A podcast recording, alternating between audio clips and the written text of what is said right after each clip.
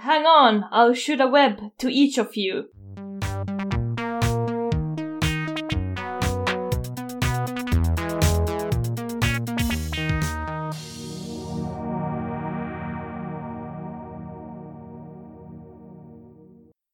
Hej!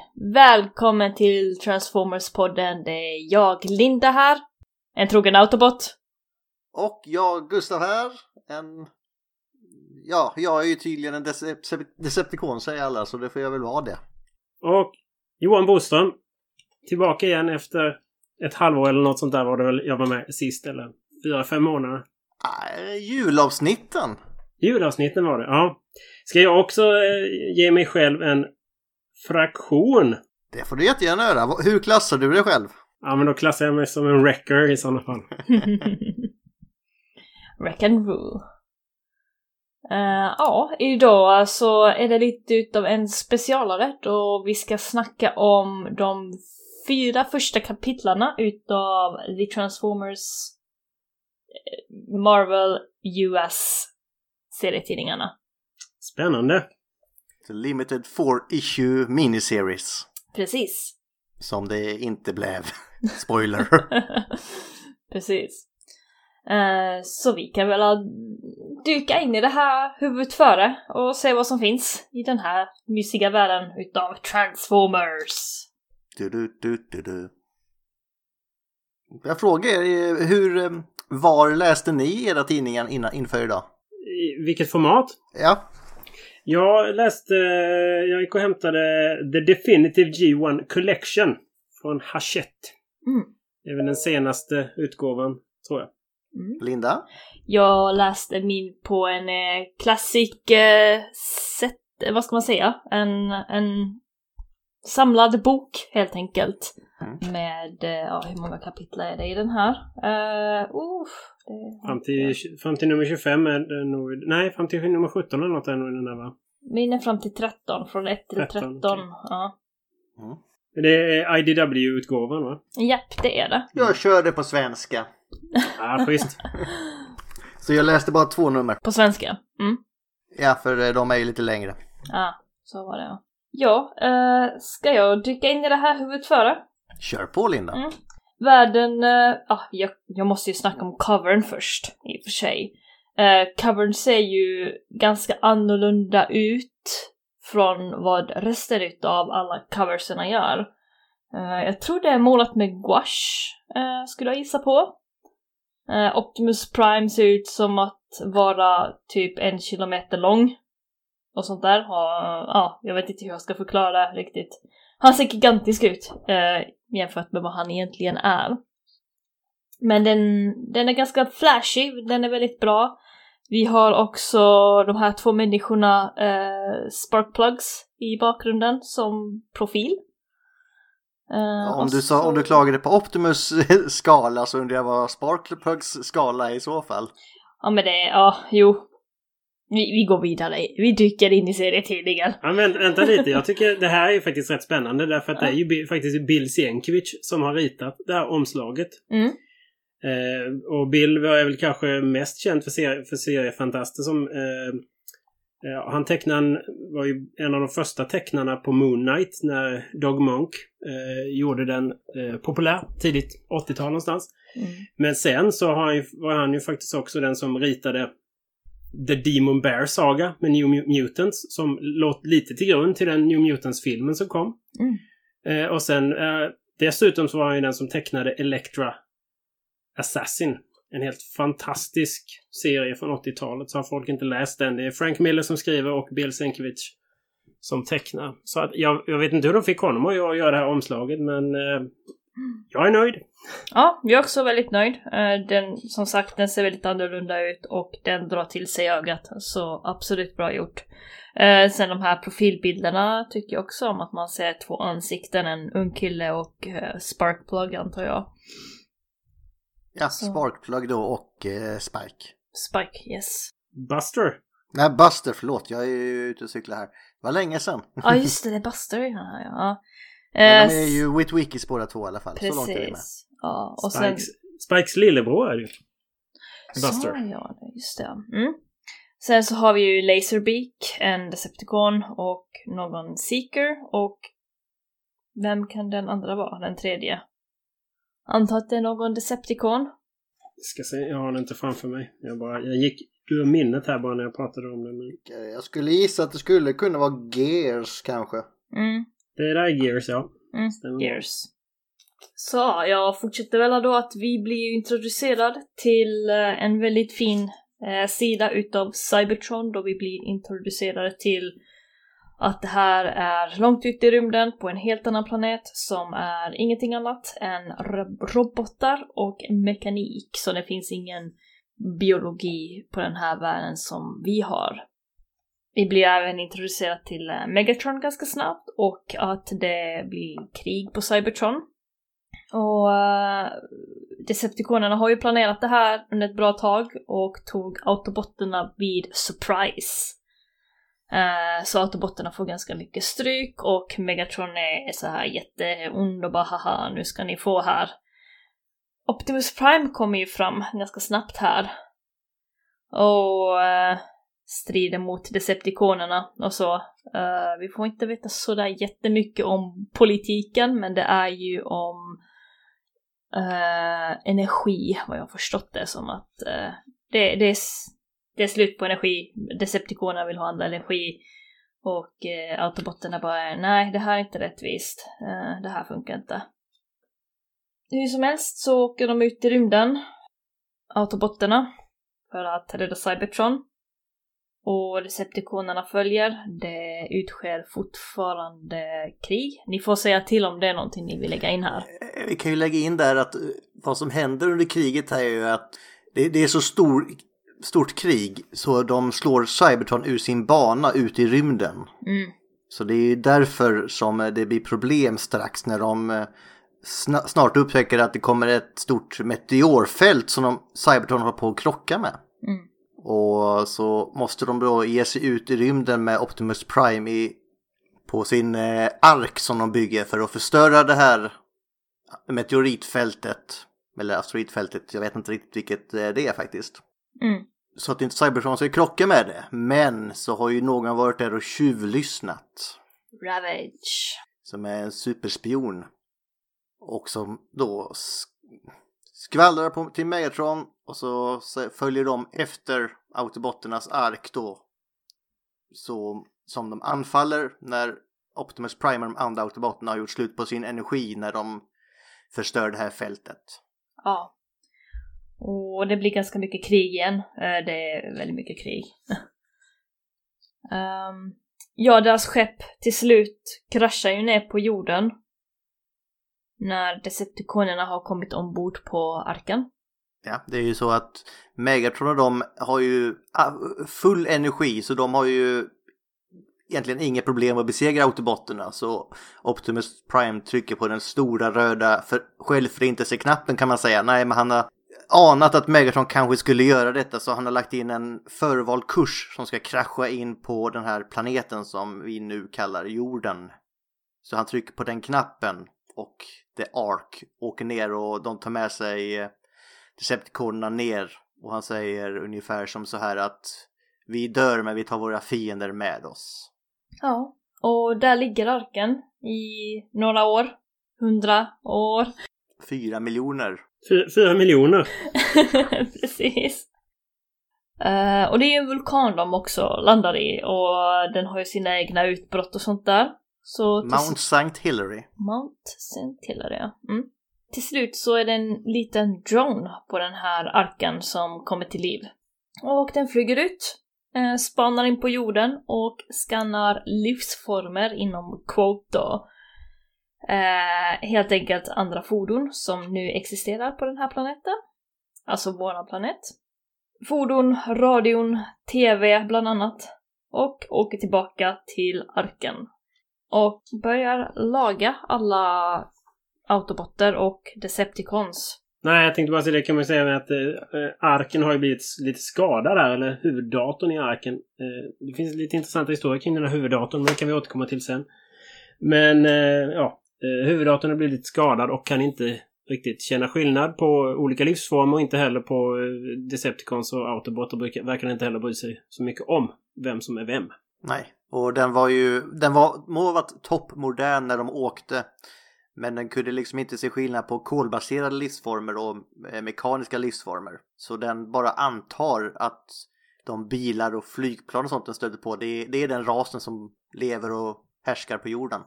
För att inte glömma eh, Walkmans och pistoler. Just det.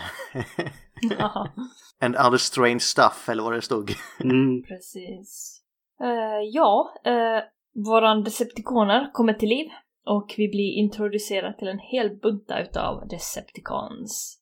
Bland annat uh, Skywarp, Thundercracker, Starscream, uh, Rumbles, Frenzy, Ravage, Buzzsaw och Laserbeak. Har jag missat någon? Så har du samma? Ja, typ det, det, du Soundwave. kanske ska ta Soundwave om du nämner de andra. Annars har de Soundwave. ingenstans att bo höll jag på att säga. Ja, precis. Och Soundwave. Och sedan, ja, de flyger iväg där och sedan blir vi även introducerade till våran Autobots. Som är, Många fler! ja, många, många fler. Ni får eh, säkert eh, droppa in här också. Det- här är den värsta exposition-sida jag någonsin har läst. Jag Ja, har aldrig varit med om något alltså så styltigt. Jag tror det är två sidor till och med. två paneler, ja, De bara rabblar namn. två sidor. Två sidor där liksom 20, nej 20 är de inte, men nästan karaktärer pratar om sig själva, om vilka de är och vilka krafter de har. Mm, Det som är intressant här eh, faktiskt är ju att det här första numret är ju skrivet av Bill Mantlow. För att ni hade ju Bob Dansky nyligen eh, som gäst eh, Mm. och han var ju redaktör för de första fyra numren. Sen tar han ju över som författare med nummer fem. Men det första numret skrev Bill. Eh, Bill, är- ja, Bill eh, är ju, jag tror att han är helt sjuk. Han ligger helt eh, förlamad och så idag. Han blev påkörd under 90-talet i en hit and run i USA och är helt beroende av eh, maskin och allt sånt där tror jag för att kunna leva idag. Och kan ju inte... Ja, han- kan, jag tror, jag, jag vet inte om han kan kommunicera med andra ens. Men, men Bill var en rätt så känd Marvel-författare på 80-talet och Eh, han skrev ju bland annat Rocket Raccoons första miniserie. Han skrev Hulk på den tiden. Han författade Spider-Man och så vidare. Men han fick ju det här första numret som i uppdrag då att skriva, eller rättare sagt så skulle han väl skriva alla fyra nummer från början. Men det blev ju bara ett och ett halvt eller något sånt där innan han hoppade av. Men det som är intressant i, det, i, i, i, i kråksången här är ju att den här sidan fanns inte med i Bills script från början eh, där de presenterar varandra på det här viset. Eh, utan han tyckte nog att det, eller rättare sagt, eh, det han ville göra var väl att eh, mer organiskt bara att karaktärerna står och pratar med varandra utan att de berättar jag, jag heter Windcharger och jag så va mm, Men eh, på den här tiden så var ju Jim Shooter redaktör på Marvel. Och en av Shooters grejer var att han ville att varje nytt nummer, eller han ansåg så här att varje nytt nummer kan vara det första numret för någon. Så därför ville han alltid att karaktärerna skulle vara tydligt framgå vilka de är i varje nummer. Så det gällde ju alla. Av Fantastic Four eller X-Men så var det alltid att någon liten exposition-sida på något sätt. mm. Och i just det här fallet, eftersom det var så många nya karaktärer, så sa han helt enkelt till Bill att du måste skriva om den här sidan så att eh, de som läser det här eh, förstår att det här är olika karaktärer och vet vad karaktärerna har för namn och så vidare. Och därför så blev det då den här väldigt styltigt författade sidan. Mm. Så man ska, inte, man ska inte bara klaga på Bill att han gjorde ett dåligt jobb, utan det var mer att han, han, han fick skriva om den helt enkelt för att den skulle passa in i det här konceptet. Precis. Men vi börjar med Ironhide som ser inte ut som Ironhide. Han ser ut som leksaken Ironhide. Ja, exakt. Han ser ut som leksaken Ironhide, ja. Men han har ett huvud här i och för sig. Ja, han har ett ansikte tror jag bakom den där sedan med. Kan lägga på ett klistermärke där så. Ja, men det fanns ett klistermärke att sätta dit va? Som ett Precis. ansikte. Mm. Eh, sen så har vi... Ja, vi stannar, vi, stannar, vi stannar lite vid Ironhide. Vi måste ju ta en historia om Ironhide också. Är det, Ja, vet, kör ni, på. Vet ni var, var namnet kommer ifrån från början? Eller varför han heter Ironhide? Ja, ja, ja. TV-serien Ironside. Ja, precis. Som i, i Sverige tror jag hette så här eh, Brottsplats San Francisco eller något liknande tror jag. Gick väl på 60 eller 70-talet. Ja, något sånt 60-70. Ja. Jag har aldrig sett det kan jag säga. Ja, Ja, men det, det finns ju lite... Ja, här, vi kan ju snacka lite andra namn för det finns rätt... Ja, men vi, vi kör namn och så tar vi stannar vi lite på varje namn kan jag Ja. Om det finns något att säga om dem. Men ja, Ja, det är inte alla. vad har vi härnäst? Ah, Han introducerar inte sitt namn här tror jag. Ja, ibland så är det ju nästa person som säger ja, tack så mycket Ironhide. och Ja, så. precis. Ja, just det, Huffer. Eh, och sedan Bumblebee. Vi har Sunstreaker om inte jag säger fel. Ja, och där, det är ju lite intressant därför att det är ju rätt så troligt att just Sunstreaker och Sideswipes biograf eller bios blandades ihop någonstans. Mm. Eh, när man läser biosen så, så är det rätt tydligt att eh, det är Sunstreaker som... Eh, eller i Sideswipes biografi så står det väl lite om de här motorerna som Sunstreaker har egentligen. Så att någonstans på vägen så blandas det väl de där två namnen ihop. Yes, för här är de ju bröder tydligen. Mm. Eh, sedan har vi Braun, tror jag. Och sedan har vi Sideswipe. Jag glömde Cliff Jumper däremellan också. Ja, Cliffjumper också. Mm. Först, eh, har ni koll på hans, det namnet som var, eh, som var working, ne, till, vad heter det, eh, arbetsnamn på honom? Eh, på Cliffjumper. Det är bara, eh, kör på. Ja, eh, vad jag har förstått när jag kollat lite på gamla dokument så var Blowout det som var först och sen så eh, ströks det över och ersattes av Cliff Jumper. Yes, för då, han vill ju ofta ha namn som betydde någonting på det engelska språket också. Eller inte bara var lät häftigt. Aha. Sunstreaker hade också ett annat namn från början. Ja, de flesta här hade ju ett annat namn från början. Det är ju...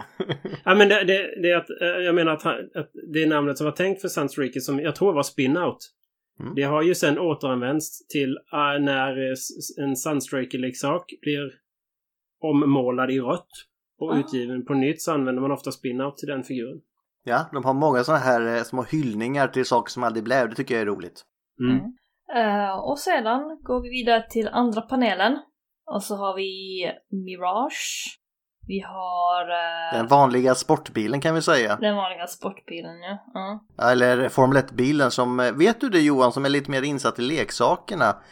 Eh, han tog ju två platser i varje sån här crate med leksaksbilar i G1. Så är det han som det finns flest leksaker med? Linjerna från eh, 84-85 är jag rätt kass på faktiskt. Jag, har aldrig, jag är mer fokuserad på, eh, på Target Master och Headmasters och sådana. Så att jag har inte så bra koll på dem faktiskt. Nej, för vi snackade om Grapple här förra veckan och äh, Haller. För att han skulle egentligen varit med där, men han drogs ju in sista sekunden och då blev det bara en plats över i varje crate och då la de in en Mirage-leksak till istället.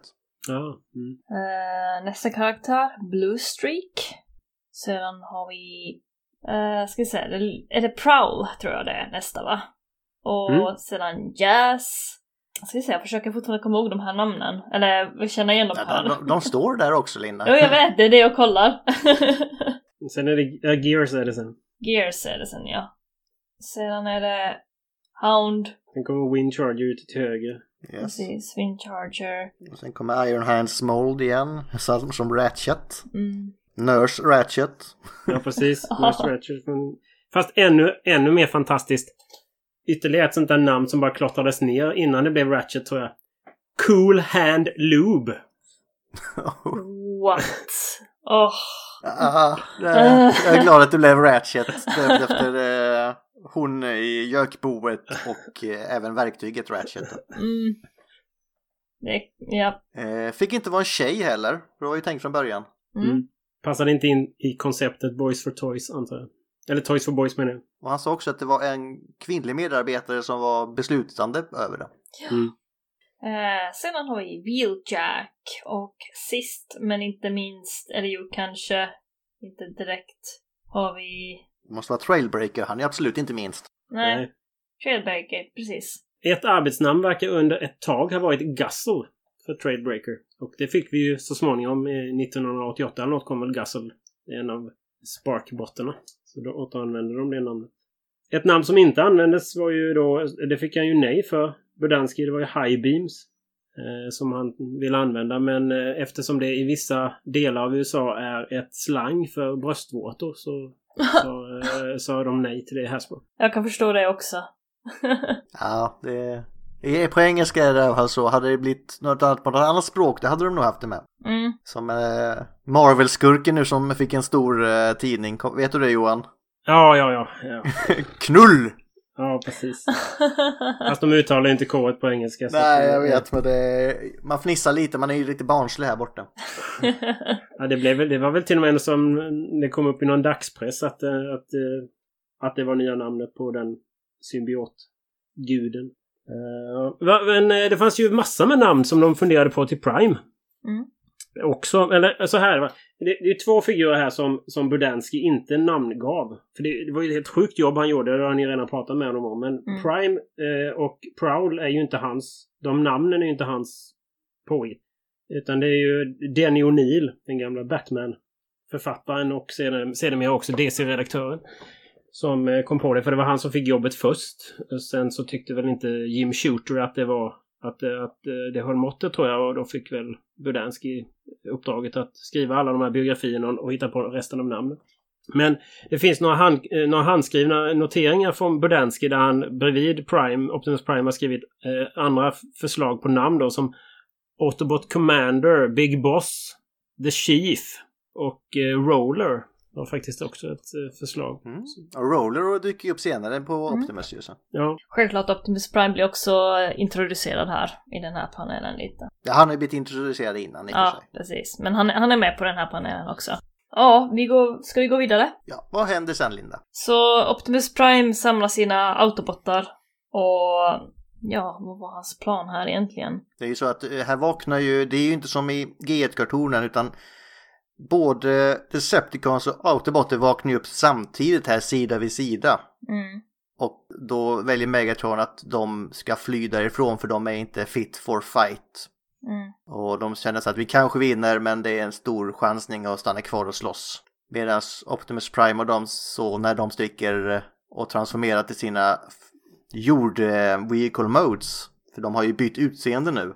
Så säger de bara vad var det där för någonting? Och så diskuterar de ett tag då att vi är ju på en ny planet och de har ju fått information av vad Teletran 1 då tror stämmer om jorden. Så de säger då att vi måste nog ge oss ut i världen här och försöka alliera det och se vad som, vad som händer på den här planeten. Så de beger sig ut på ett spaningsuppdrag. Mm. Fast i det, här, i det här fallet är det inte Teletran 1. Den har, den har, inte, den har inte här att göra faktiskt, eh, Teletran 1. Eh, och det är som arken innan. Eh, Jim Shooters eh, draft för det här originaldraftet skiljer sig lite grann. Ett är ju att han, han hade hans namn för Buster var Spike. Sen ändrades det till att bli Buster. Eh, jag vet inte om det var Bob som gjorde det eller vem, men någon ändrade det i alla fall. Men arken heter inte arken i originaldraftet utan arken heter Auntie. Som i moster eller sådär. Och det här på något sätt, jag vet inte om Furman hade koll på det här, för när, när Furman startade, skrev bland de första numren i eh, TFUK, jag tror att det här är Radius of the Last, Last Ark, eh, så ger han huvuddatorn ett namn. Och då ger han eh, arkens huvuddator namnet Onti. Mm. Så att det återkommer. Eh, så att eh, det, det, huvuddatorn benämns aldrig som Onti i TFUS, men benämns som det i TFUK vid flera tillfällen. Så ska man ge, ska man ge datorn i arken ett namn i, i serietidningarna så måste det nog bli Onti i sådana fall. Yes. Sure. Men eh, det fick han väl reda på i en av sina ölkvällar där med Simon och Bob då kan jag tänka mig. ja, precis. Det är ju en kul grej han fick som betalning också. Ja. Du kan väl ta över? Ja, vi blir sedan introducerade till Buster på workshopen, bilworkshopen with wikis. Uh, Auto Repair tror jag det står på skylten där. Ja, en mekanisk shop helt enkelt. En mekanikverkstad. Mekanikverkstad. Så det är ju lite så att det är ju far och son som bor i det här huset och Ja, vad hette han nu? Uh... Pratar vi om sonen så är det Buster säger jag då bara för att det ska vara svenska. Och så är det Sparkplug. Vi måste ju ta en, en, en annan sån eh, liten eh, intressant sak från, från Shooters eh, eh, Original Draft. Sparkplug känner vi honom alla som. Mm. Men inte så många har koll på hans riktiga namn. Som är alltså Stanislas Piotr. Jaså? Eh, Sparkplugs riktiga namn enligt Shooters eh, första draft. Var det för ryskklingande sen eller varför tog de bort det? Jag vet inte. För Sparkplug är ju inte ett jättevanligt namn skulle jag vilja säga. Nej. Men, nej, men det står att Sparkplug är bara hans eh, smeknamn eller så va? Mm. Ja, det är ju, det är ju en, eh, en del av en bil, det är ju därför det är Mm. smeknamn. Men ja, så i alla fall. Stanislas Piotr. Så Piotr. Sparkplug kallar jag honom för då. Antar att det är okej att kalla honom för det. Eller Whitbicky. Så eh, Sparkplug är liksom bara "Åh, son varför kan inte du hålla på med bilar istället? Eh, det här med att eh, gå till skolan är väl inte sådär jättebra. Eller jo det är bra men mm, kom igen du måste lära Du kommer dig inte få ett att- jobb om du går i skolan. Nej precis. Nej men du får lära dig hanteras med bilar, kom igen nu sonen liksom. Ja, och där har vi haft den interaktionen mellan de här två personerna. Och på nästa sida så kommer vi till en hiker som eh, eh, helt plötsligt blir bemött utav autobotterna eh, som åker jättesnabbt på vägen. Och den här hikersen är liksom bara wow, oj vad snabbt de kör här och det är inga, det är ingen som kör bilarna heller. Det nog mer det han reagerar på. Mm, precis. Fast de lägger ju inte märke till hajken överhuvudtaget, eller? eh, Nej, de bara brummar förbi. Tänker att nej men vad är det där? Eh, pff. Autobotterna kör jättefort på vägen, eh, har inte alls någon koll på hur det här funkar. Och så kommer de till en, åh, vad ska man kalla det på svenska? Biosalong utomhus. Drive-in bio säger vi på svenska också. dri- Drive-in bio ja. Men en Laserbeak är också och svävar uppe i luften och märker var autobotten är. Och Megatron såklart får reda på det och bestämmer sig att haha, dags att attackera igen. Ja, det är ju så här att eh, Autobotten är ute för att scouta området och ta reda på vad som händer på jorden. Mm. Och så åker de då förbi den här och tycker att det är jävligt konstigt att alla de här eh, varelserna, och då menar de ju såklart bilarna, Mm. bara står parkerade och tittar på en stor skärm som står och lyser. Mm. Så jag, vad fan är det här? Är det någon sekt eller någon kult, religiös upplevelse? Det här måste ju vara något väldigt viktigt i och med att de bara står där. Mm. Och så står Megaton och då tittar på det här genom Laserbeak och så bara oh, vi får inte låta dem komma i kontakt med jordborna så de får en allé där så vi måste attackera dem. Så där kan du ta över igen Linda. Ja. Eh, så de kör in där och kollar in. Eh, och Buster har hånglat upp en tjej. Ja, det är ju Jessie.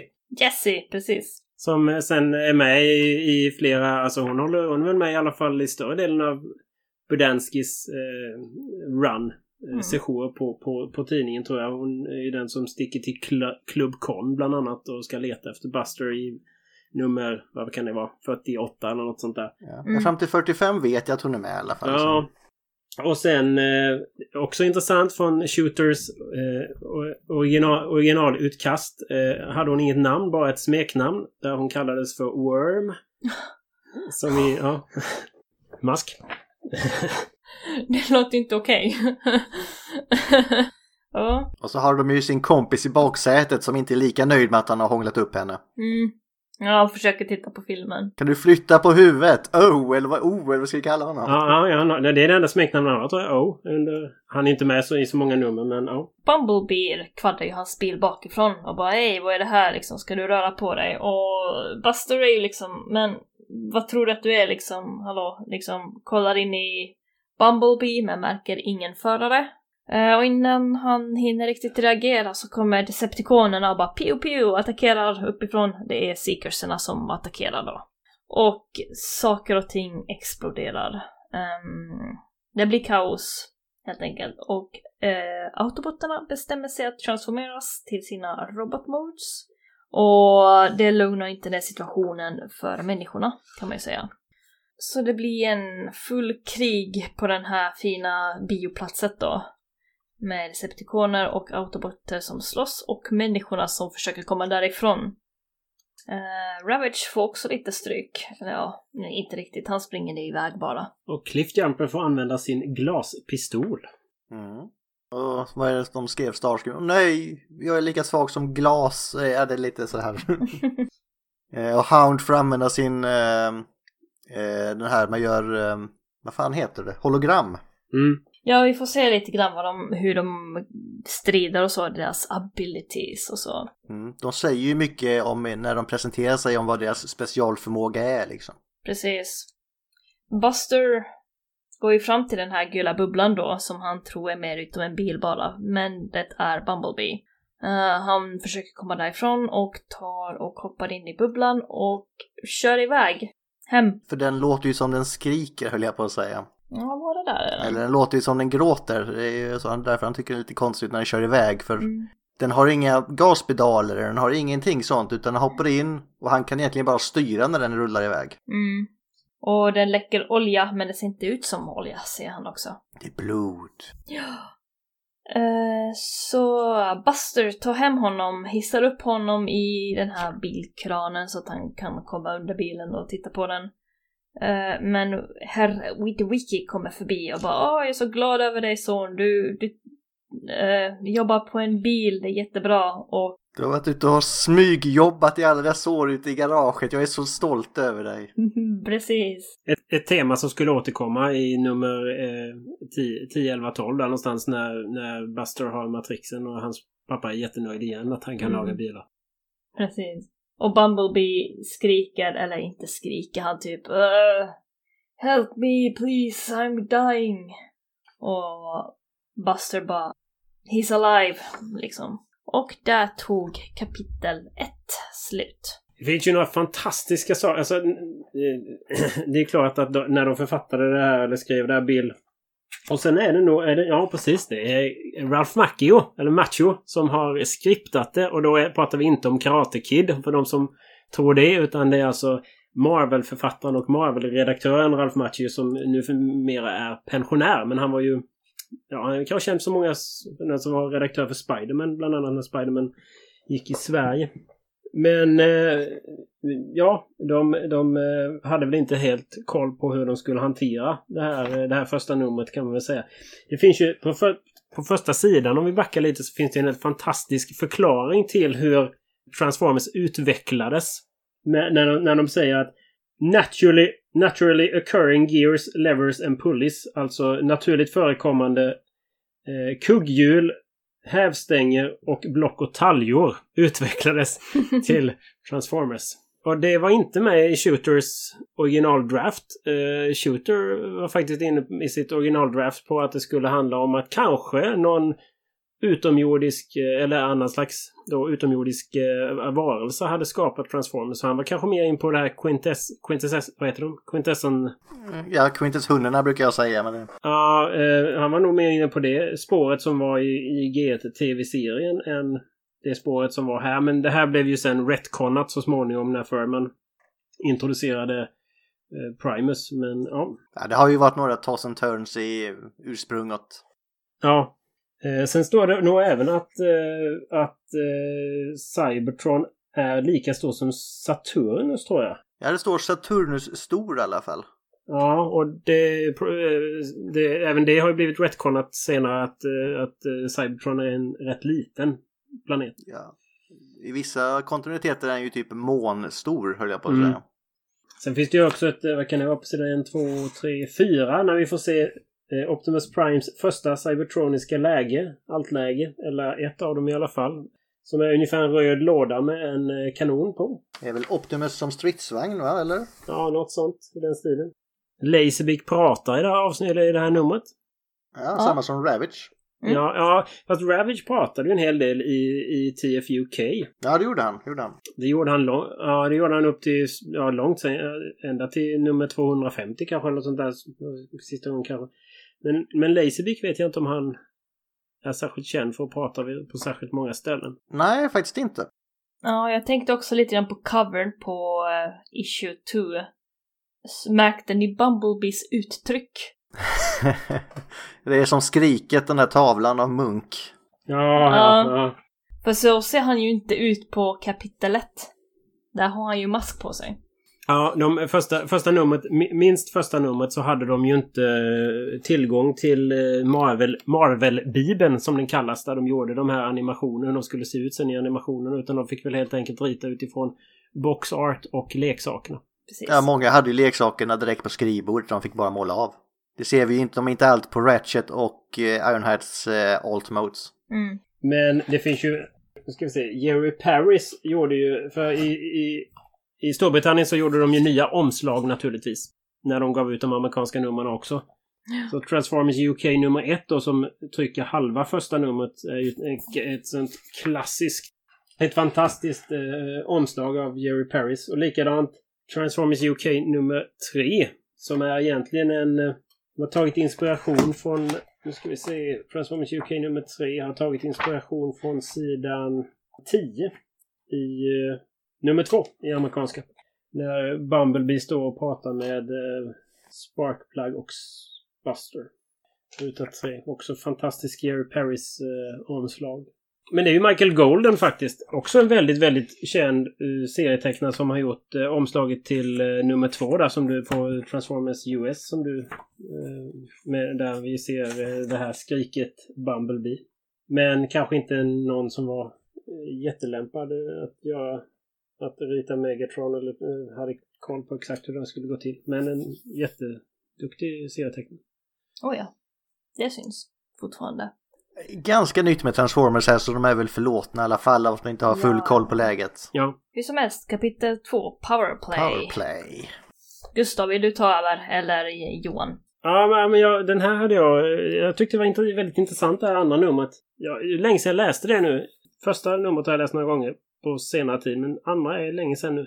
Jag kan bara recappa lite snabbt. Ja, det startar med att uh, Decepticonsen ska då kommer, där de, håller, de håller på att bygga ett kraftverk av något slag. Människorna. Mm, och, eh, nuclear power plant står det, så det är ju en kärnkraftverk. Kärnkraftverk.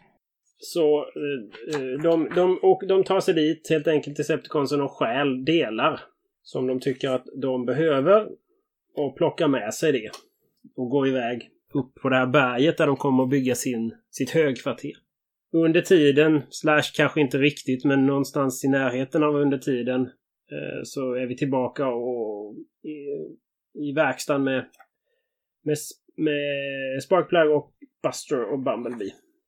Och sen tror ju inte Bust, eller pappa Sparkplug riktigt på att den här lever men han går ändå med på att laga bilen och som sen transformerar sig till Bumblebee då. Han är ju lite kul där för jag tycker han är lite bitter när han säger jag lagar bilar hela dagarna så jag kan väl lika gärna göra det på nätten också då. han är bra, skaffa ett jobb du tycker om. Ja, han vill ju i alla fall att hans son ska laga bilar på natten. Då blir han glad. Ja. Ja, men då blir, blir Bumblebee glad och så säger Buster att han ska följa med Bumblebee och hjälpa honom. Och så kör de genom stan och mitt i stan så är ju då Eh, worm, eller Jessie som vi kallar henne, och O ut och går med en bergsprängare på axeln och lyssnar på radion. Och det här tycker jag, det här tycker jag alltid sånt här fint, eh, roligt. För de här första fyra numren var ju då placerade i Marvel-universumet. Vilket vi kommer att få se ännu mer av i nummer tre. Men det, det första eh, indikationen på det kommer ju här då på sidan 11. När O lyssnar på Dazzler. På radion och det är ju alltså mutanten Alison Blair från X-Men då som också är ju sångerska. Som han lyssnar på. Och eh, Ravage eh, upptäcker de här och ser att det är de där två människorna som var med den andra människan som stack iväg med Bumblebee när, från fighten sist. Och förvandlar sig till kassett och hoppar ner i den här bergsprängaren och samtidigt så kommer Buster och Bumblebee och säger hej till sina då, kompisar. Så Ravage lyssnar då på det här samtalet, vad det är som ska hända. Och att de är på väg tillbaka till eller ska ge sig iväg mot arken då. De la ner väldigt mycket energi på att förklara hur Ravage förvandlar sig till ett kassettband och hoppar ner där. För det är ganska många eh, vad säger jag, panels som de, de lägger på den. Ja.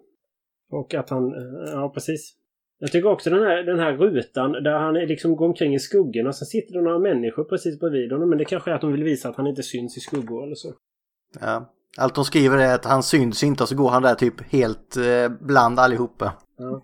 Sen hoppar vi tillbaka på sidan 13 och 14 till arken och, eh, och Prime säger att de har dåligt med energi. Och under tiden har Bumblebee kört tillbaka Buster till Sparkplug och sen har Sparkplug slängt ihop någon kommunikationsapparat så att de kontaktar arken och säger att nu måste ni komma hit.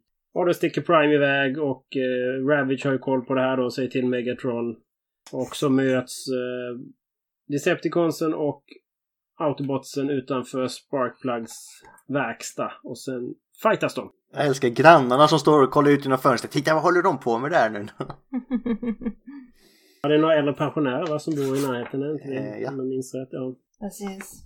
Mm. Alltså mycket, hela den här bygger egentligen på vad som ska hända i slutet av tidningen. Ja, precis. Det händer lite intressanta saker. På sidan 12 tror jag Arken pratar och det antar jag då är ju Onti som pratar. Eh, som man bara får se då i TFUK. Eh, vad händer mer för roliga saker i det här innan vi går vidare här? Jo, eh, Ironhide använder ju faktiskt en av de här uttrycken som man använder mycket i tv-serien tror jag, för den delen. På sidan 13 eller något när han säger “Leaking lubricants”. Det tror jag var ett eh, ständigt förekommande uttryck i tv-serien sen så småningom. Det här, den här, det här är ju före tv-serien. Ja, eller som han fick, eh, när de översatte den på svenska i tv-serien så sa han istället för leaking lubricant så sa han vilken jättesmäll. Jaha, från, eh, lite från Jönssonligan? Något sånt. ja, åt det hållet. Ja, och sen så kom ju då eh, Decepticonsen som sagt till verkstaden. Och eh, det blir lite strid helt enkelt. På olika sätt. Och sen så Megatron är ute efter Sparkplug helt enkelt och han vill ha en någon som ska kunna konvertera jordens bränsle till Transformers-bränsle och till denna uppgift verkar då mekani en mekaniker vara det bästa alternativet. Han har ju själv sagt att han kan göra det. Ja. Jag bara tyckte att det var intressant. Annars kan man ju kanske, ja. ja. Han har nog, han är kanske också more than meets the eye, vår kära Sparkplug. Ja, kanske det. Man ska inte, man ska inte se ner på mekaniker. Det var inte så jag menade. Men det kom lite från, från ingenstans att han, han då, ja. Och eh, då ger ju eh, Megatron eh, Bumblebee en rallarsving får vi väl allt kalla det där på sidan 20 när han bankar ner honom som, vad heter det när man ska på tivoli banka ner, vad är det? Sådana här, såna här djur som hoppar upp ur... Man ska stå så många som möjligt. Ja, whack-a-mole. Ja, just det. Så heter det. Nej, jag tycker mer han ser ut som han, eh, vad heter han, The Thing i Fantastic Four, It's Clobbering Time när han gör det. ja, vem är det? Vilken? Det måste vara en, en av John Burns nummer när Thing slår någon rakt på huvudet bara så att de ramlar ihop. Men vad kan ja. det vara? Och så säger Megatron givetvis en uh, catchy kommentar för det gör han tydligen mycket i serietidningarna här. Det var ju jävligt klantigt att sätta den svagaste autobotten och vakta dem. Ja. Och sen så kommer Optimus till undsättning och då tappar ju Megatron Sparkplug. Och sen kastar de lite bildelar på varandra, Optimus och Megatron. Och, men sen så kommer då Starscream och lyckas fånga Sparkplug och ge sig iväg och resten av Decepticonsen antingen flyga iväg med egen maskin eller transformera sig till ett, en kassett eller pistol eller vad nu är de blir. De som, de som masstransformerar sig och hoppar in i flygplanen och sticker därifrån. Ja, vi kan ju säga det, alltså, till skillnad från tv, det är mycket skillnad från tv-serien nu, men vi kan ju ta viktiga väsentliga bitar. Eh, där kan ju typ alla flyga, men så är det ju inte här. Mm. Nej, här är ju de som, de som har jetform, eller jet, ett altläge som är ett flygplan kan ju flyga. Yes, eller som, eh, är det Sideswipe eller är det Sunstreaker som har jetpack? Ja, det är ju Sideswipe som har det eftersom hans bios sa det. Men troligtvis så skulle det nog vara Sunstraker därför att det är ju nog den här motorn som han, den här lite, de här utblåsen han har i bilform som sen blir en ryggsäck som hade varit tänkt som jetpack gissar jag på. Eh, och Gears kan ju då, det kommer vi att se här i, i nummer tre snart, han kan ju också flyga med sina luftkuddar under fötterna. Mm. Alltså, många, vissa kan ju flyga utan jetform men då har de ju också en förklaring till varför. Ja. Det är jättekul i animen eller kartonen när de tecknar den och Soundwave transformerar till en eh, kassettbandspel som flyger iväg. har vi någonting mer du vill ta upp här Linda och Johan? Uh, nej, det är lugnt för mig. De har uh, tagit uh, Witwicky med sig och uh, lilla Buster är där och bara shit, vad ska hända nu? En sak som jag tänkte på här var ju Mirages karaktär är ju redan här i, i nummer ett och två är han ju, man, man får ju se att han är lite avigt inställd till till auto, inte autobot-sidan men han gillar inte att slåss och han eh, tycker att det här är meningslöst, jag vill åka hem istället och sådär. Och det blir ju faktiskt en liten sån karaktärsstory som löper igenom de här numren och sen i slutet av nummer fyra som vi kommer till snart så kommer du få lite upplösning av den av hans funderingar helt enkelt. Så det är ändå lite snyggt gjort att det flyter igenom alla de här. Ja, det är det. Det är också en grej med honom som dyker upp i många kontinuiteter sen. Ja, precis. Ja, det är han och Thundercracker som är lite fundersamma på sina tillhörigheter. Thundercracker är ju mer emo än vad Mirage är i och för sig. Ja, mer, mer, men mer att han är lite fundersam om han är på rätt sida istället. Eller så. Det är som Optimus Prime på julafton, han grubblar. Ja, precis. ja, Gustav, nu kommer din favoritkapitel nummer tre. Nej, jag bara tänkte vi, eftersom vi körde det, sa det innan också, vi kan väl bara hänga kvar lite vid, vid omslaget. Ja, Innan vi hoppar in. Omslaget till Transformers US nummer tre. Även här har vi faktiskt en väldigt känd eh, Marvel-tecknare. Mark Texeira. Eh, jag vet inte om jag uttalade rätt. Jag hoppas det. Jag säger alltid tax, taxera, men det är ännu mer fel, men det är det inte har hängt med. Eh, och han kanske är mest känd för svenska serietidningsläsare som eh, serietecknaren på Ghost Rider-tidningen från 90-talet. När Danny Ketch blev Ghost Rider istället för Johnny Blaze. Han tecknade ju de första åren där på den tidningen. Och eh, han tecknade också faktiskt en del av de här minicomicsen till He-Man and the Masters of the Universe tidigt eh, 80-tal eller något sånt där också. Men, och sen har han gjort massa andra eh, serier naturligtvis men, men även det är en väldigt duktig serietecknare. Så att de får in rätt stora namn på omslagen här helt enkelt. Och rätt stora karaktärer också, förutom eh, Transformers. I det här numret menar du? Ja, Ja. På, ta, på tal om symbioter menar du? ja exakt. Det är ju Black Spider-Man i hans eh, Venom-dräkt eller symbiotdräkt. Mm. Väldigt fin och dynamisk pose också. Väldigt fin cover är det. Vil- Vilket gör att vi vet exakt att det här utspelar sig mellan Amazing Spider-Man 252 och 258. Måste detta utspela sig. Det är då han har den dräkten med andra ord. Ja. Är det därför han kan slåss med? För han är ju lite starkare där höll jag på att säga. Han, obegränsad med... Nej, det har han inte riktigt. Men, men nästan obegränsad med nät i alla fall. Mm. Här har vi en ny författare också. Nu har ju Bob, eller vad heter det, Bill Mantlo har hoppat där. Eh, är det Jim som har kommit in nu? Jim Salicrup. Det finns ju... Vad jag upptäckte när jag läste de här fyra är att den, den gemensamma nämnaren här på många ställen är ju då Fantastic Four. I det här numret, nummer tre, så pratar Peter Parker om eh, Reed Richards, Mr. Fantastic. Jim Salicrup var ju redaktör för Fantastic Four när John Byrne gjorde sin fantastiska session. I den första halvan i alla fall, eller något sånt där. När Jim Salicrup lämnade som redaktör så tog Bob, Bob Budansky över som redaktör för Fantastic Four. Det finns massor med sådana här eh, Fantastic, roliga Fantastic Four-kopplingar. Och inte minst i nummer fyra så kom, det ju, kom ju faktiskt Grimlock och dyka upp. Och Grimlocks namn kommer bland annat från Lockjaw. Eh, den här Inhumans-hunden som kan teleportera sig. Har, har då inspirerat namnet till Grimlock bland annat. Eh, Och eh, Inhumans var ju bikaraktärer i Fantastic Four från början. Så att här, här kan man hitta massa trevliga Fantastic Four-kopplingar. Det, det ska man alltid göra om man kan. Försök alltid hitta Fantastic Four-kopplingar. Ja, vi kan ju så även ta upp eh, Easter eggs som vi hittar. Det finns ju även lite kopplingar till eh, andra i, det här, eh, i den här tidningen. Mm. Lite G.I. Joe-koppling finns det också. Ja, Den kommer vi ju in på när vi, när vi kommer dit så jag säga. Gustav, fortsätt. Ja, Förklara vad som händer. Prisoner of War då, eller krigsfånge, så har ju Starscream lagt vantarna på Sparkplug Witwicky. Eller Witwicky Senior då. Och han flyger iväg med Sparkplug som lig- sitter och gör eh, smädelseord till Starscream och säger släpp ut mig, släpp ut mig. Och säger Starscream att det här var det är ingen jättebra idé va, för den data jag tagit emot om din art så kommer du dö om jag släpper ut dig här nu från den här höjden. Så du får nog gott sitta kvar här. Det var, inte i hans, det var nog inte i välmening han menade det i och för sig.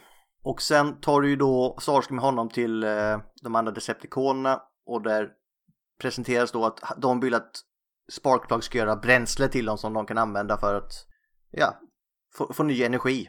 Och här får ju, det är ju så att vi får ju också ta det att Sparkplug har ju varit en eh, har han varit marin eller är det bara soldat? Får vi reda på det? Kommer du ihåg det Johan? Nej, han, var, han var med i Koreakriget men jag vet inte om det står att vad han var. Han var nog mekaniker så att, eh, jag antar att han var med i armén i sådana fall. Men... Yes. Han var i alla fall med i den amerikanska militären på, i Koreakriget. Där han blev tillfångatagen och var krigsfånge där också. Så han har ju lite så här PTSD, eh, Posttraumatiskt stresssymptom. posttraumatisk stress, ja exakt, eh, under den här tiden. Och gör lite så här flashbacks till hur det var där. Men han kommer ju hjälpa Decepticonerna Mm. att göra bränsle. Men eh, tillbaka då på Witwickys garage så är det ju så här att, sa vi inte i slutet av förra, men när de flyger iväg med Sparkplug så sätter sig typ alla autobotter på knä för de är helt utpumpade. Mm. Och Buster är med så här, ska de kunna hjälpa min pappa? De kan ju inte ens hjälpa sig själva. Här står de i alla fall och funderar på vad de ska göra härnäst och Optimus Prime är då order till att de ska tillbaka till arken för att eh, fylla på med bränsle och göra repairs hos Ratchet. De bjuder med Buster att följa med tillbaka till deras högkvarter då, marken, och han följer med. Eh, under tiden så är Soundwave, Rumble och Starskim ute och skäl komponenter till Sparkplugs eh, bränsleprojekt från olika ställen och det drar ju till sig uppmärksamhet från eh, övriga i USA och bland annat militären som åker dit och omringar Decepticonernas ja, högkvarter i Oregon. Dit också då fotojournalisten Peter Parker bestämmer sig för att dit ska jag göra och ta lite bra bilder men jag får ju åka som mitt alter ego då, Spiderman. Det är, det är nog Joe Robertson som har skickat iväg honom på uppdrag va? Eh, Daily Bugles chefredaktör. Yes. Och som sagt, för att han ska få bra bilder så bestämmer sig då Peter Parker att här får jag ju använda mitt alter ego. Sen blir det lite action när eh, Decepticonerna, ja, de typ visar sina muskler och skickar iväg Amerikas militär därifrån utan några större bekymmer. Människorna upptäcker snabbt att vi är out of our League, vi måste retirera. Ehm, och mitt i striden så är det då att Spiderman träffar på Gears, en autobot då. Och efter att lite, ja, bountering eller lite gnabb där så visar sig ändå Gears vara en skön kille när han räddar en massa människor från att bli squashad av en tank. Som Thundercracker har kastat. Yes. Och Autobot-teamet teamar då upp med Spiderman och bryter igenom de här soldaterna in i Decepticonernas högkvarter och ska jaga tillbaka Sparkplug, eller rädda honom då. Det bästa är ju ändå sättet som, som eh, Peter gör det på. Att han snor en hjälm. Inget annat. Sätter den på huvudet och sen kör han Hound igenom, eller sätter han sig i Hound och kör igenom avspärrningarna. Ingen... Oj, han har spandex på sig. Nej, nej. Han har ju, han har ju en, en hjälm. Då är det lugnt. Ja, täppa ner den bara så här. Så. Men i och för sig, eh, om man ska ge dem lite så här, de hade annat i tankarna också. Det är inte varje dag man blir invaderad av jätterobotar för första gången. Mm. Spiderman har man ju sett förr liksom. Ja, sant. sant. Eh, och de hade en liten fight med Ravage där innan de lyckades ta sig in och rädda Sparkplug. Eh, och här tycker jag den roliga episoden när Spiderman ska försöka rädda Gears då hans nät inte håller. Utan han dunsar ner i alla fall. Eh, och sen återvänder de då till arken där Buster och Sparkplug får en återförening och det är lite kärt där och Autobotterna säger hej då till Spiderman och tackar för hjälpen. Och Ratchet får liksom använda sin eh, kunskap. När Ratchet får Ges att börja prata så säger han liksom att människan har hjälpt Decepticonerna att få bränsle. Mm. Och där slutar det sig medan Buster säger Dad, say it ain't so. Ha, är han en förrädare? Är han en förrädare? Mm. Han var krigsfånge, han hade inget annat val. Ja, men det kan ju ligga någonting ännu mer bakom om vi läser det i fyran sen. Mm. To be continued. Nej, men eh, en liten rolig sak som jag upptäckte. Som jag faktiskt inte har tänkt på innan. Det är det som är kul med det här, man upptäcker någonting nytt varenda jävla gång man läser. det här är alltså på sidan 9. Eh, där Rumble blir beordrad att ge lite av sitt bränsle till Sparkplug så att Sparkplug ska kunna då titta på hur han ska anpassa det. Då kallar, i den engelska versionen så kallar Rumble faktiskt Sparkplug för Hörde du din lilla Scraplet? Mm -hmm. Och det var ju säkert ingenting, det var ju, hade inte någon koll på att det senare skulle bli något helt annat. Att man skulle återanvända ordet Scraplet för, ja. Att det skulle bli en pandemi. ja, precis. En innovation, ja. Eh, så det var lite roligt att se att det, att det fanns med tidigare än nummer, vad är det, 28 när de dyker upp Scraplets eller något sånt där? Uh, ja, just det, det är Budjanski-covert. Mm. Som vi har snackat om tidigt i podden. Ja, det är väl här scrapletterna är typ eh, ser ut som bultar och skruvar. Ja, precis. Ja, ja, mm, precis. Mm. Eh, hur hade du översatt det själv Johan om du skulle översätta den här? Va, va, skraplingar tror jag den svenska översättningen var en gång i tiden om jag inte minns fel va? Är det inte så? Så du hade sagt att du hade kallat honom för en skrapling? Nej, det hade inte funkat så bra. Känner jag. Eh, nej, jag vet inte. Tålas, tåls att tänka på om vi någonsin kommer dit.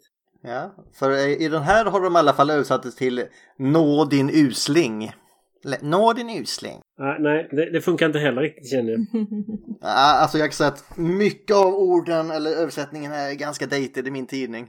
Många uttryck som inte används längre men det är charmigt. Ja, nej, nej, får tänka på det. Hopp, förhoppningsvis kommer vi till det så att jag, jag, jag får chansen att översätta det i alla fall. Ja, fast de här har ju funnits en gång på svenska så det är ju inte lika brådskande med dem Johan. Nej, det är sant. Det är bättre med de som aldrig har kommit hit. Ja, det är ju det vi inriktar oss på kanske i första hand just nu i alla fall. Mm. Och sen då lite det här med G.I. Joe-kopplingen kan vi ta. Det är ju då att de här militärens fordon ofta ses så är det det Mobat och det Wolverine då som är från G.I. Joe som dyker upp lite då och då. Ja. Eh, o kallar då autobotterna för rejects från George Lucas film tycker jag var rätt kul också. Och Moscow spekulerar då att Americans are testing their Star Wars arsenal. Ja, precis. Och det var ju, det ju Reagans eh, Star Wars... eh, Ja. Det där blev väl en... eh, Var det inte så att eh, Lucas tog det där till... Eh, i, som, inför rätta med det där. Men att Reagan vann och fick använda namnet Star Wars för sitt missilprogram ändå eller något sånt där. Ja, jag vet faktiskt Alltså det var ju reklam också så jag förstår inte. sen, är det ju lite dubbel därför han tjänade nog pengar på att ta upp det ljuset också. Ja, så är det. Eh, och sen så på samma sida har vi ju både Nick Fury och eh, Dum Dum Dugan. Just det, Nick Fury också med ja, just det. Så det är fler, fler Marvel, Marvel-gästspel här i. Nej, jag tycker det är jättekul med de här Marvel-universumet. Synd de inte fortsätter på samma spår senare. Mm. Ja, det var väl, för, det var väl de här fyra första numren. Sen när det blev en, en ongoing så släppte de väl Marvel-kopplingen tror jag. Det, det blir ett, eh, för avancerat tror jag. Mm. Spiderman takes a uh, dig at Rumble and Frenzy as Twiddly Dee and Twiddly Dum säger han om dem. Och han kallar då också Megatron för Bazooka Joe. Så det finns lite kul grejer. Ja. Men vill, ska vi gå vidare till the epic conclusion of Transformers? Mm. Hur det, allting slutade? Eller? ja, absolut. Även här ett eh, Mark Texeira-omslag. The Last Stand, eh, kapitel 4, som den heter. Precis. Och även här är det då Jim Salicrup som är författare. Och det kan vi ju säga att alla de här fyra numren är ju tecknade av Frank Springer och tuschade av, av eh, Aikin och Garvey. Med väldigt... Eh, alltså kvaliteten skiftar från sida till sida måste jag säga trots att det är samma tecknare. Mm. Mm, ja, det gör det verkligen. Men eh, jag vet, man vet inte hur lång tid de fick på sig heller. Nej. Ja, ibland kan det ha varit att de hade jättebråttom och då fick de liksom skvallra till det bara. Ja men det hade de ju för de fick ju, de fick ju ändringar stup i kvarten hela tiden och visste inte vad som skulle hända. Precis. Det ser vi ju om inte annat både i tidningen då och i kartonen när det dyker upp grejer, typ första avsnitten ofta, Mm. som inte sen dyker upp något och inte skulle varit där. Mm. Sen om vi tar mer om omslaget, vad tycker ni om det alltså rent visuellt? För mig hände det lite för mycket. Ja, det gör det. Ehm, det ser ut som att det utspelar sig i en grotta. Av någon anledning så har de brytt sig om att lägga en textur i bakgrunden. Det, det är en grotta. Det är det, ja. Ja. Mm. Det är ju vulkanen där. ja. Jag tycker de kunde ha skippat texturen i bakgrunden. Det är väldigt flashy och man ser inte ens att det står More than meets the eye nästan. Men annars ser det ju bra ut. Alltså allting drar sig till en punkt. Och Optimus Primes Blaster tar ju väldigt mycket uppmärksamhet. Jag, jag vet inte om det... Jag funderar på om jag tycker att det är bra eller dåligt men färgskalan på Decepticonsen är liksom bl- blågrå helt och hållet. Jag vet inte om det gör att man tappar liksom känslan för vad det är som är på. Att man inte ser att det är, en, att det är Laserbeak eller Buzzsaw som är överst och sådär. Mm. Mm. Och sen vet jag inte om det ska vara en röd Megatron som är på gång där eller vad det är som händer nere i hörnet. Röd Megatron. Ja, Jag tycker nästan det ser ut som han, att det ska vara han. Ja, Megatron nere. är nere i hörnet men han är grå på originalomslaget. Så att... eh, Eh, däremot så tror jag att den här hade varit jävligt snygg i foil så att säga. Mm. Mm. Men det fick vi inte. Men den kanske en dag. Ja. Vill du ta oss i mål Linda eller vill du Johan? Det får ni slåss om höll jag på att säga. Eh, Jag kan väl börja här lite grann. Vi hjälps åt. Kör. Ja, det tycker jag. Det här är nog den kapitlet som jag har egentligen minst koll på just nu. Det var bra att du tog den Linda, det gillar vi. Det kan bli bra. Men eh, ja, jag känner det också att eh, det No sacrifice, no victory. Hur som helst är det Gears och Sunstreaker som kommer fram och liksom bara, nämen... Br- Brawl. with wi- Braun, so- sorry. Bra, den här lilla bulkiga autobotten. Ja, relativt taskig ut bara. Konfronterar eh, Wiki och bara men hallå har du gett Decepticonerna liksom eh, energikälla nu? Medan Ratchet tar hand om någon som är skadad. Eh, Det är Ironhide kanske? Ser som det. Ja, det, är, det är Gears, det är från eh, nummer tre. Han är fortfarande inte Mm. lagad. Ah, så var det. Ja, han såg väldigt mycket ut som Ironhide. Ja. Spidermans nät höll ju inte så. Ah, just det, just det. Mm. Men uh, Wiki tog sin son och bara nu sticker vi härifrån, det här börjar bli läskigt. De eh, uppskattar oss inte alls. Eh, och de sticker därifrån. Men eh, då kommer Jazz och skjuter på uh, Wiki. Herr Wiki, eller vad ska jag kalla honom för? Spike? Nej, Sparkplug. Eh, Sparkplug. Eh, skjuter precis fram, framför Sparkplug och han bränner sig och jag tror han fick ett hjärtattack där eller hur det nu var. Ja, alltså de försöker ju stoppa honom för att få svar på lite frågor här medan Mm. mm. Witwikis flyr. Och det här blir för mycket för stackars Sparkplug. Mm, det kan jag fullt förstå. Att, att Jazz skjuter på människor är ju någonting som återkom sen i IDW. Eller kanske gjorde ännu värre saker med, med, när han dödade en människa i IDW-universumet. Ja, han har ju vissa grejer. Han är inte jätteförsiktig när människor är i närheten i alla fall, även i Marvel kan jag säga. Eh, vi går vidare och så ser vi en tv-skärm eh, som introducerar vad som hände mellan Decepticon och Autobotterna och människor är inte alls sådär chill med det här. Är det Oh vi blir introducerade till då? Ja, och eh, hans pappa verkar driva en bar som heter Mr. O. Alltså den här sidan är... Jag, jag, jag, ja, nej, jag vet inte hur man ska, vad man ska tolka den här sidan. Mm. För att eh, hans pappa dyker upp här, O's pappa, utklädd till Optimus Prime. Mm. En jävligt snygg cosplay. Ja, Hur jävligt snabbt gjort också, de har inte varit där så länge. nej. Men han vill väl, han vill väl att... Eh, tänker väl att det kan boosta inkomsterna lite grann. Genom att eh, dra nytta av de här robotarna. En sida som inte ger oss särskilt mycket dock. Nej, ja.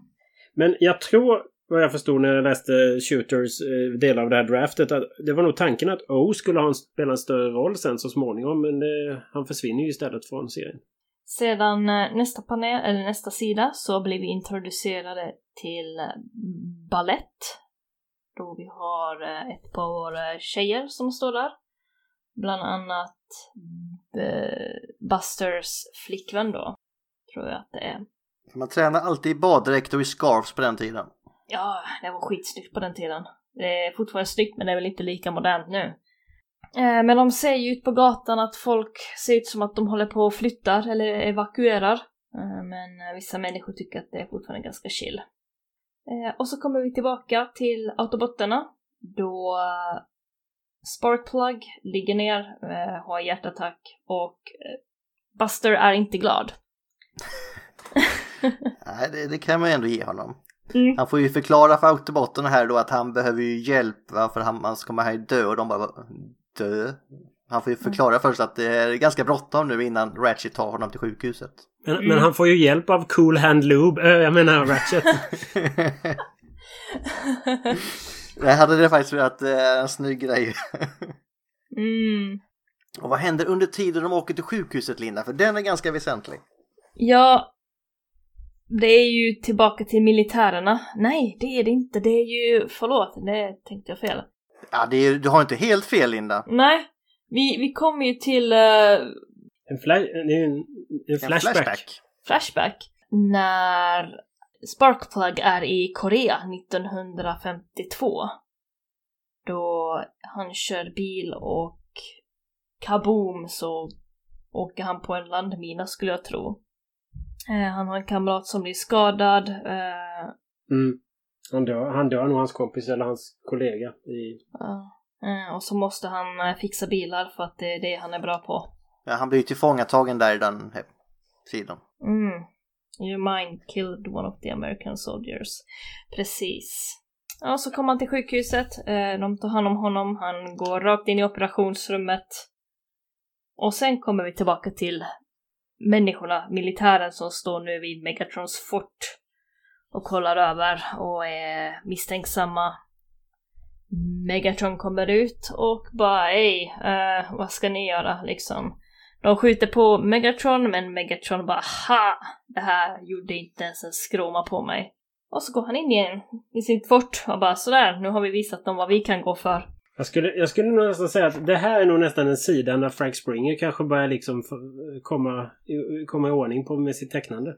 Mm, verkligen. Snyggt panel liksom. Sidan efter dyker det upp, på tal om det där med att i, i G-tv-serien dök upp en massa karaktärer hit och dit och i olika färger och sådana där saker. Men det gör det ju faktiskt på nästa sida också. Ja. Så är det ju en massa karaktärer i Decepticon-basen, robotar, eller Transformers, som vi inte har sett innan som... Det ser ut som att vi har två stycken Megatrons på översta panelen. Ja, lite så. Mm. Mm. Jag har alltid sett dem som drönare så att de inte är Transformers själv men Ja, Mm. ja så kan det. Ja, är det Starscream som ser någonting emot Megatron? Och Megatron skjuter Starscream. Och säger att hur vågar du ifrågasätta mig? Den som trotsar Megatron får smaka på hans fusion-kanon som det står. Mm. Och för första gången i den här serietidningen så får Starscream lite stryk utav Megatron. Skulle gissa på att det är första, första gången någonsin. Skulle jag gissa Mm. på att det är Ja. faktiskt. Så Starscreams första bitchlap. Men han, eh, vi kan ju säga det att i alla de andra tre så har ju Starscream haft sån här eh, plotting, men han har gjort det mer tyst i bakgrunden där. Han har haft lite tankebubblor på honom, att jag ska fan mig ta över här och sånt där. Mm. Eh, och sen har han ju, han har ju sagt ifrån, men då har det ju varit mer såna här konkreta grejer som har varit rätt smarta, så Megaton har ju köpt det. Mm. Johan, vill du ta över och ta det sista? Ja, men jag kan ta det sista. Sen blir det då en, en snabb eh, skifte tillbaka till Arken där Huffer pratar med Prime. Och han säger att eh, jag har upptäckt något. Eh, för fyra miljoner år sedan så skickade vi iväg en... Jag skickade Arken iväg en sond till Antarktis. Och där upptäckte den här sonden då eh, eh dinosaurier. För att eftersom det är fortfarande inne i Marvel-universumet så finns det något i Marvel-universumet som heter The Savage Land. Mm. Som ligger i Antarktis, eller i Antarktis, mitt i Antarktis där det fortfarande bor liksom dinosaurier och allt möjligt. Eh, Där Kazar bland annat håller till. Det, det är väl, eh, jag kan mitt savistländska dåligt, men är det inte för att det är massa vulkaner och grejer som håller det varmt just där på något sätt? Ja, precis. Så de har överlevt där. Och sen Magneto hade en bas där eh, runt cirka X-Men nummer 269-270 och även tidigare redan på, på 60 eller 70-talet när, när Roy Thomas skrev så var Magneto nere och, och hängde i Savage Land. Men X-Men har varit där mycket också. Men i alla fall, den här sonden åker ju dit och upptäcker ju att här är ju den här försvunna Decepticonen som de pratade om i första numret. Här är... Uh, vad sa de? För ja, vi kan i, nej, i andra numret var det va, när de vaknar upp. Ja, andra nummer. De vaknar upp och säger att en av våra starkaste är inte här eller Just något det, sånt det är därför de inte kan slåss med dem också ju. Ja. Och då är den här sonden då för fyra miljoner år sedan har upptäckt att eh, Shockwave är ju här och gör någonting. Något skumt. Och då tar eh, Arken och reparerar fem stycken Autobotter. Som var med på Arken som man inte visste om att de var med. Men de var med egentligen. Och då reparerar eh, Arken Dinobotarna. Så i Marvels, eh, både i, i Transformers UK och Transformers US är ju inte Dinobotterna några dumma saker som har byggts på jorden av Sparkplug utan de är en, ett crack commando team från, från eh, Cybertron. Wreckers uppskruvat till 10 ungefär. Som gör det skitiga jobbet. Grimlock är inte någon babblande idiot utan han är mer en Wolverine-karaktär får man väl nästan säga i den stilen. Han är ju en smart men lite tystare karaktär så att säga.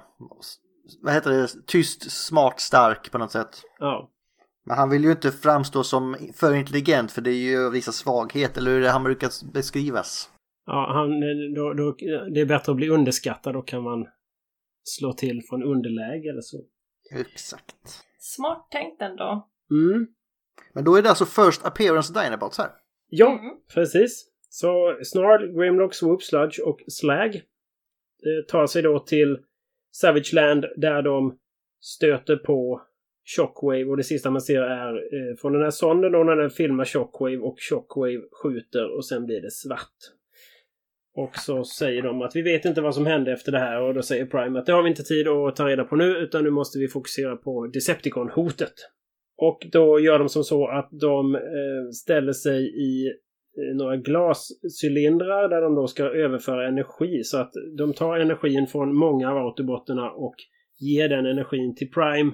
Huffer, Ironhide, Mirage och Bluestreak. Fyller de på så mycket energi de kan i. Är det för att de är starkast eller för att de hade minst att fylla på så att säga? Bra fråga. Skulle de ta, jag tror att eh, Braun borde vara den starkaste av de här men han är ju inte med där till exempel. Mm. Ja, Huffer är ju deras ingenjör. Dessutom så och han har ju inte varit ute och stridit innan utan mest hängt i arken. Men han kan ha mycket energi kvar därför och då tänker man att man fyller på det som finns. Jag vet inte men de fem blir det i alla fall. Och härnäst så eh, krossas väggen av den här vulkanen av ett av skotten från Megatrons fusionskanon. Och in flyger Laserbeak och Buzzo och börjar anfalla. Mirage blir eh, anfallen av Ravage som biter av ena armen på honom.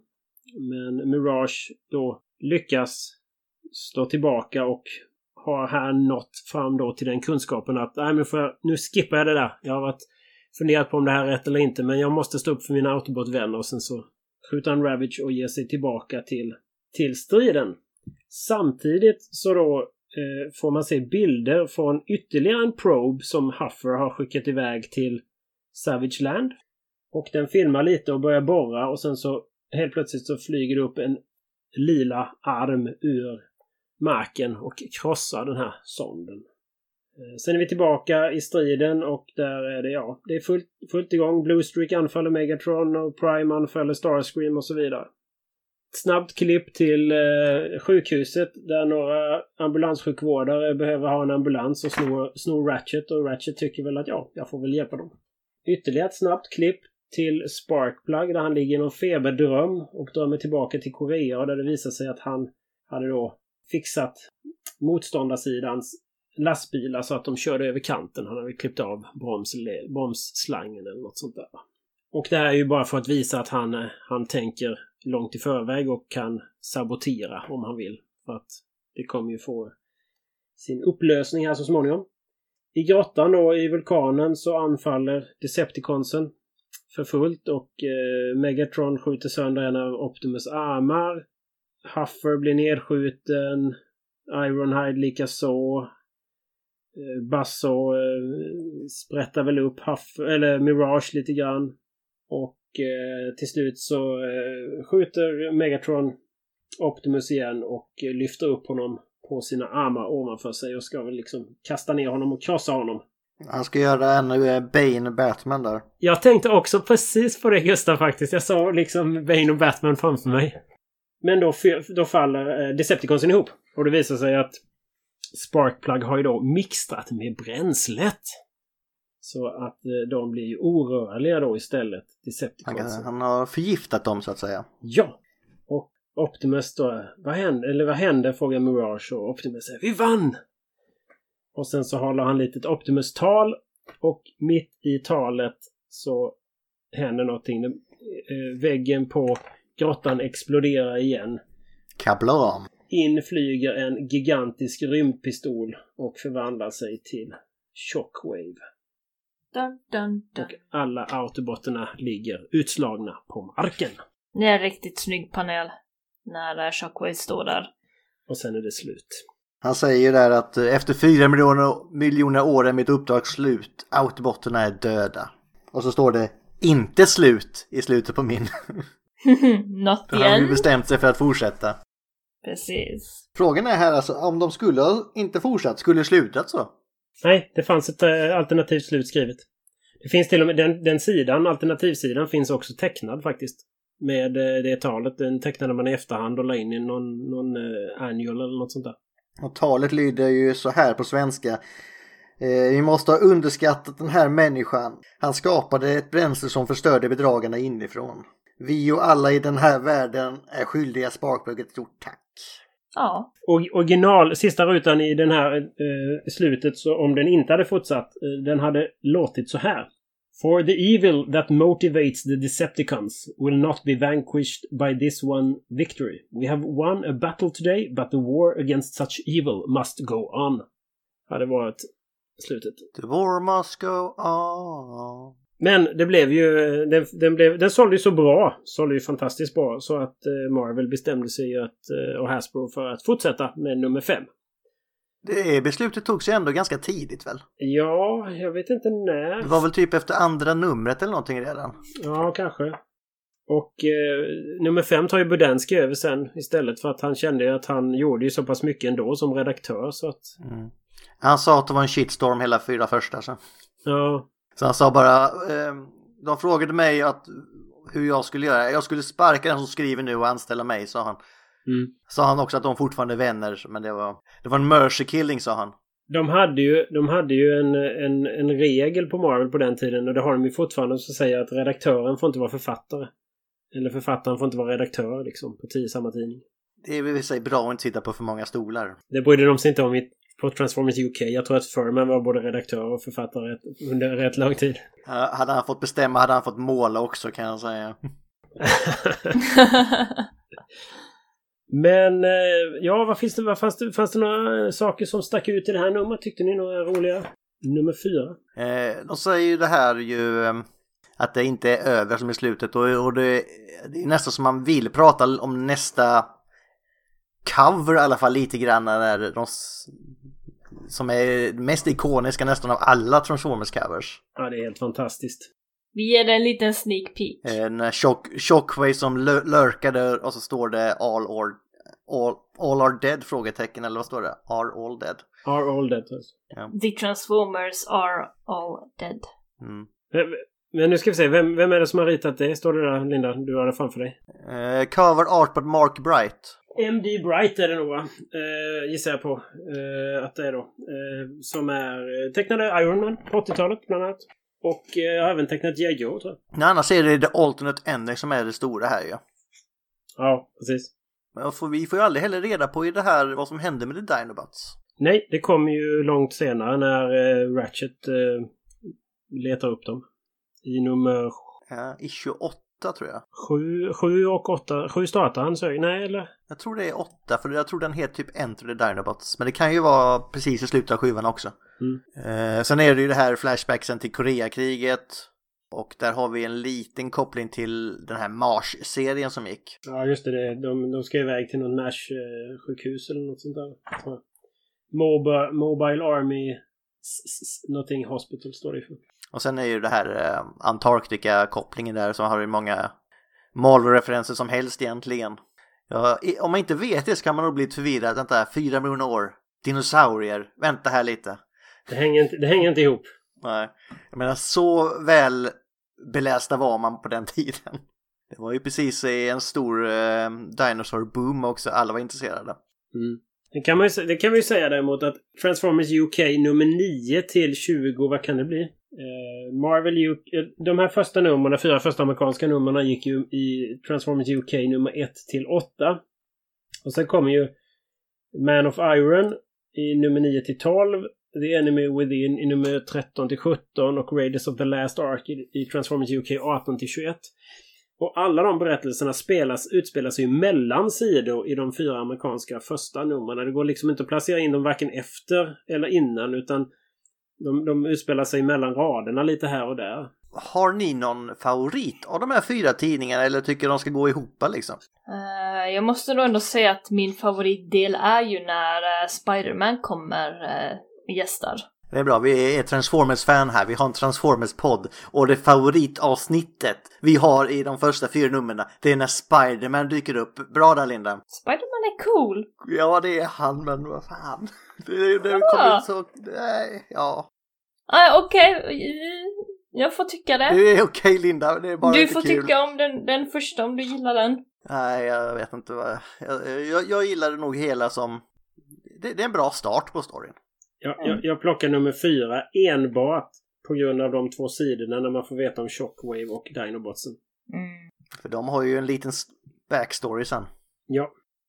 En ganska episk fight faktiskt. Och med tanke på hur starka Dinobots är i egentligen det här det teamet, hur starka är inte Shockwave? Det är egentligen vad de säger det här att Shockwave är, är bara Megaton som är starkare egentligen. Nu, är vi inte, nu pratar vi inte så mycket om Shockwave för han kommer ju in i nummer 5, 6, 7, 8 där istället om vi ska prata om det någon gång. Men eh, som jag sa innan så tycker jag serietidnings-Dinobotsen, liksom de är ju fantastiska antihjältar eller vad vi ska kalla dem. Eh, de där eh, dinosaurierna från, eh, eller robotdinosaurierna från tv-serien ger jag inte mycket för kan jag säga. Inte, inte för oss vuxna, det är, det är ju en comic relief för barnen. Ja. Men detsamma gäller Shockwave.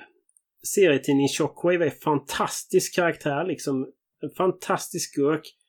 Till skillnad från tv-serier Shockwave som mest bara står bredvid och gör som Megatron säger och har inget annat att tillägga. Nej, han, är han är ju inte med så mycket heller. Han omgäms ju bara för det mesta. Han är ju Cybertrons väktare i den serien. Ja.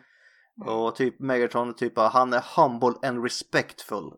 Inte riktigt den delen han har här kan jag säga. Nej, precis. Fast han är ju logisk i båda. Han är ju den här eh, maskinen. Ja. Men här är han istället ute efter att få väck Megatron så snabbt som möjligt så att han, han med sitt logiska... Te- ja, det är ju det logiska valet. Ja, precis. Det är det logiska valet. Eh, sen är det ju egentligen min favorit Shockwave överlag. Förutom nästan, han görs inte rättvis i många serier. Förutom nu i senaste Netflix säsong 2 där han faktiskt kommer till sin rätta ganska väl.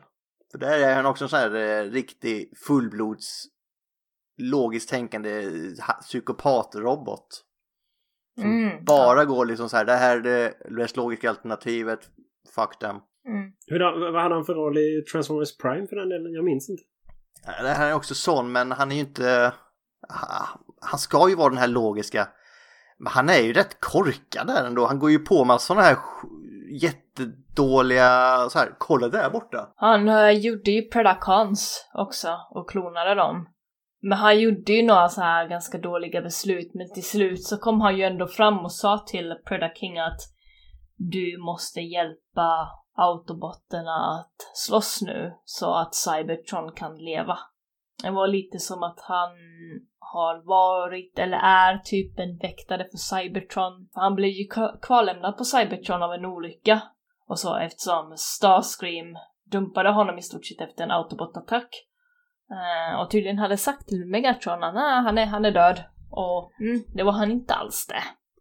Om man nu ska ta logiskt så är det mest logiska för Starskim att göra så. Mm, det är klart. Det är bra att bli av med honom. Mm. Men nu kommer vi rätt långt ifrån här hörni. Ja. Vi kan gärna köra ett helt tjockvi-avsnitt en annan gång. Illustrationen och stilen har vi varit inne på lite i själva serietidningen också Linda. Vad tycker mm. du där? Från början på kapitel 1 så tycker jag ju att det ser lite halvtattigt ut. Förutom coversen, det är helt underbart. Det blir ju bättre desto längre fram vi kommer i de här fyra kapitlerna. Eh, jag tycker också om att Alltså Bumblebee ser ju annorlunda ut och det gör ju Ratchet också. Eh, men jag känner mig ändå helt okej okay med det med tanke på hur de då jobbade med de här, den här serietidningen. Eh, så visuellt, jag är, jag är helt okej okay med hur allting ser ut och på den tiden så hade man inte samma tryck heller. Så det här med färger var ju en helt annan del då. Eh, den serietidningen som jag har nu, den är ju en ny print, så alla färger är ju solida. Men på den tiden då hade ju alla serietidningar eh, de här små färgprickarna som indikerade färg då. Färg, färgseparation eller något sånt där kallas det. Ja, ja, precis. Men det var på den tiden när de tryckte ut de här. Nu när jag har den här nya versionen, collection, utav det här så de har ju ändrat på några få saker i den här nyprinten då. Kan inte exakt komma ihåg om det var någonting i de här fyra kapitlarna. Jag tror det var någonstans där Optimus Prime hade en mun och det har de täckt för nu. Det finns ju många sådana där eh, mix-ups i, i, överlag i de här fyra numren när någon säger något. Mm. Om, det är uppenbart att nej, det där är inte Optimus Prime som pratar, det där är Megatron egentligen eller Soundwave som pratar när Megatron säger någonting. Alltså sådana missar finns ju på flera ställen. Jag kom på att vi har ju glömt en, en sån, ett Easter Egg för den delen. Ja, yes, ta upp den. Det finns ett Star Trek Easter Egg också. I vilken eh, av numren då? Åh, oh, kanske nummer två eller något sånt där. Okej. Okay. Kan jag gissa? Sidan nio. Nummer, ja, sidan nio i nummer två. Längst ner i serierutan till vänster så säger Sparkplug Blast it son! I'm a mechanic, not a doctor! Ja, ja, ja, just det. Just det. Damn it Jim, I'm a doctor, not a... Är det First Generation eller vad är det? Det är original. Ja, jag kommer inte ihåg vilken de heter. Nej, men det är, det, det är original series är det från 60-talet. Okay. Mm. Captain Kirk och dem. Ja. Fast eh, i nyproduktionen så använder sig Dr. McCoy av samma uttryck också naturligtvis. Det är en Mm. catchphrase ju. så. Ja. Annars så tror jag jag har hunnit med och, och, eller jag har fått med de grejerna som jag Mm. skrev ner Var tror jag. det någon karaktär trädde fram mer i tidningen än någon annan? Och någon som kanske borde fått mer utrymme? Jag röstar på Cool Hand Lube. ja, ja, ja därför jag, jag hade tänkt säga Ravage, men nej, Cool Hand Lube. Eh, nej men eh, nå- någon oväntad sådär som jag inte mindes eh, faktiskt spelade så stor roll här. Huffer eh, har ju en rätt så stor, inte stor roll, men en lite mer betydande roll än han har i något, i många av de andra numren. Förutom i, i den här när han träffar någon lastbilschaufför. Det var väl ofta så att de fick lite sådana här äventyr var bara för att få in popularitet i den leksaken som sen skulle sälja ett tag. Mm. Eh, för det var ju likadant med Grapple läste om förra veckan när han dök upp och fick så här, ja du, du ska bygga Omega Supreme och sen, sen tar vi bort dig och du är typ i bakgrundskaraktär tills du, vi tar bort dig igen. Mm. Så det, det var ju tyvärr lite så. Så Mm. det här var väl Huffers time to shine då. Ja, plus den eh, när han möter, vad heter han? Bomber Bill eller något sånt där, den där lastbilschauffören. Har tidningen något direkt budskap känner ni? Förutom att America är great som vanligt på den tiden men Ja, det känns ju lite som att det är en liten glorifiering utav eh, krig kanske. Eh, alltså jag vet att det ska vara för killar, det ska vara coolt med att de slåss och sånt där. I get it. Men, mm, jag vet inte.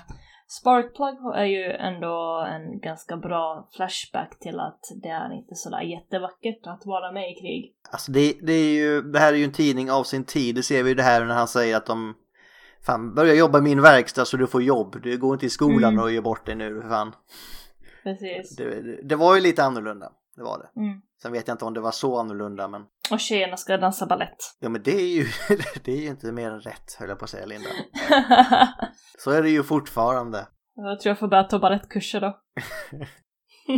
Men om vi tar då, det kommer lite in på det också här, representationen i tidningen, det, det har ju med det att göra Linda. Mm. Ja, ehm, jag vet inte.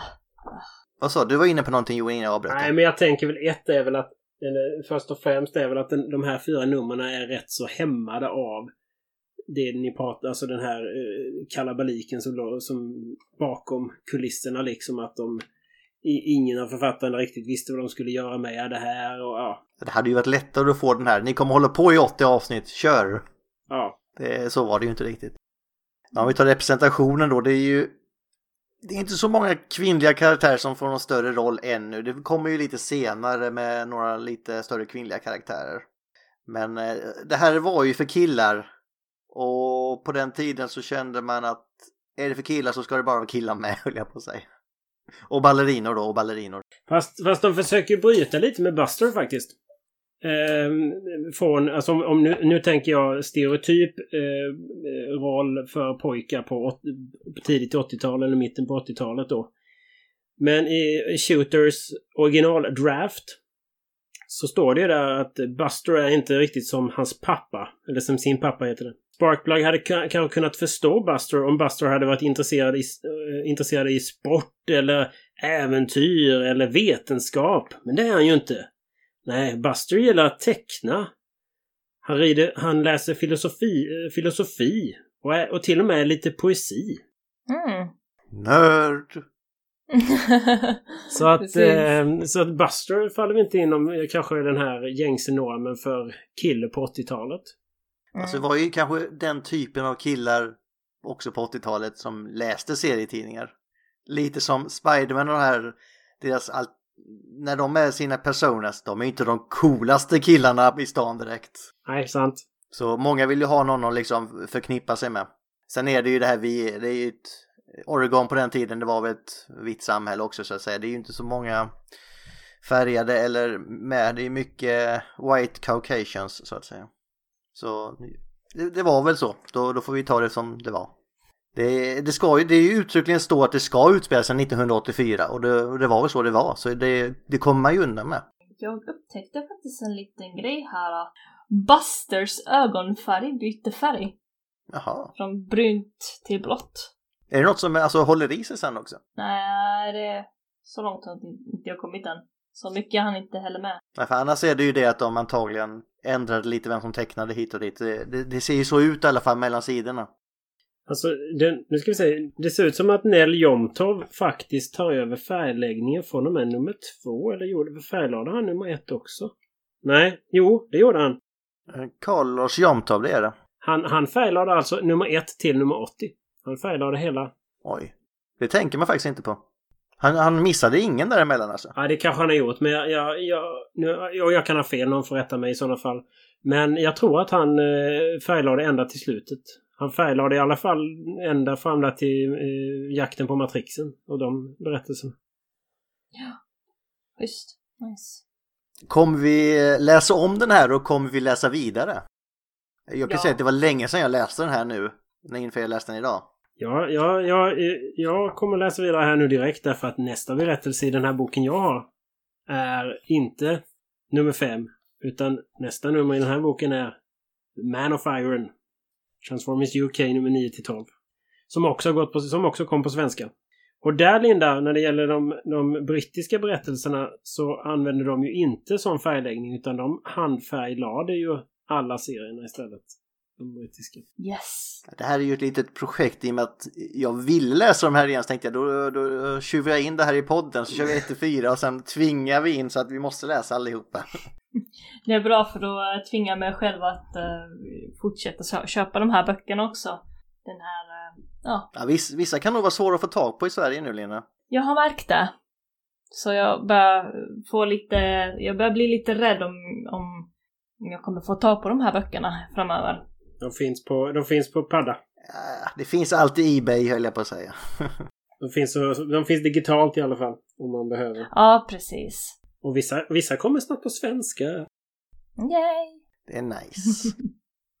Måste jag ha den på svenska också nu eller? Räcker det med engelska? Men du ska ha det, allt är bättre på svenska, det vet du Linda. nej.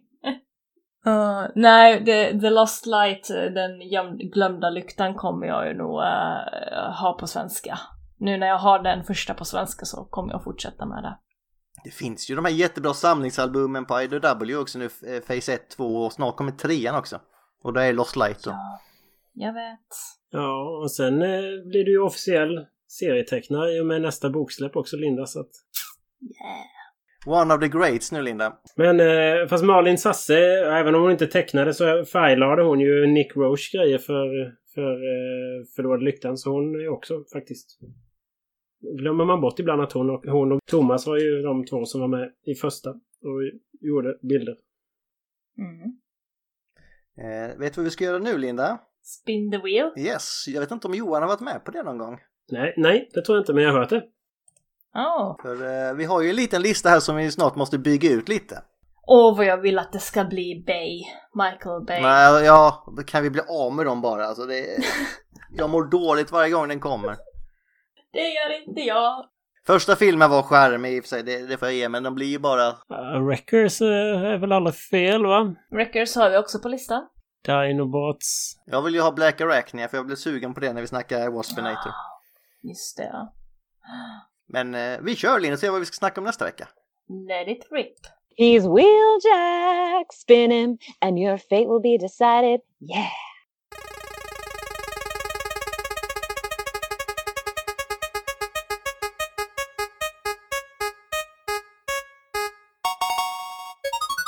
Blur!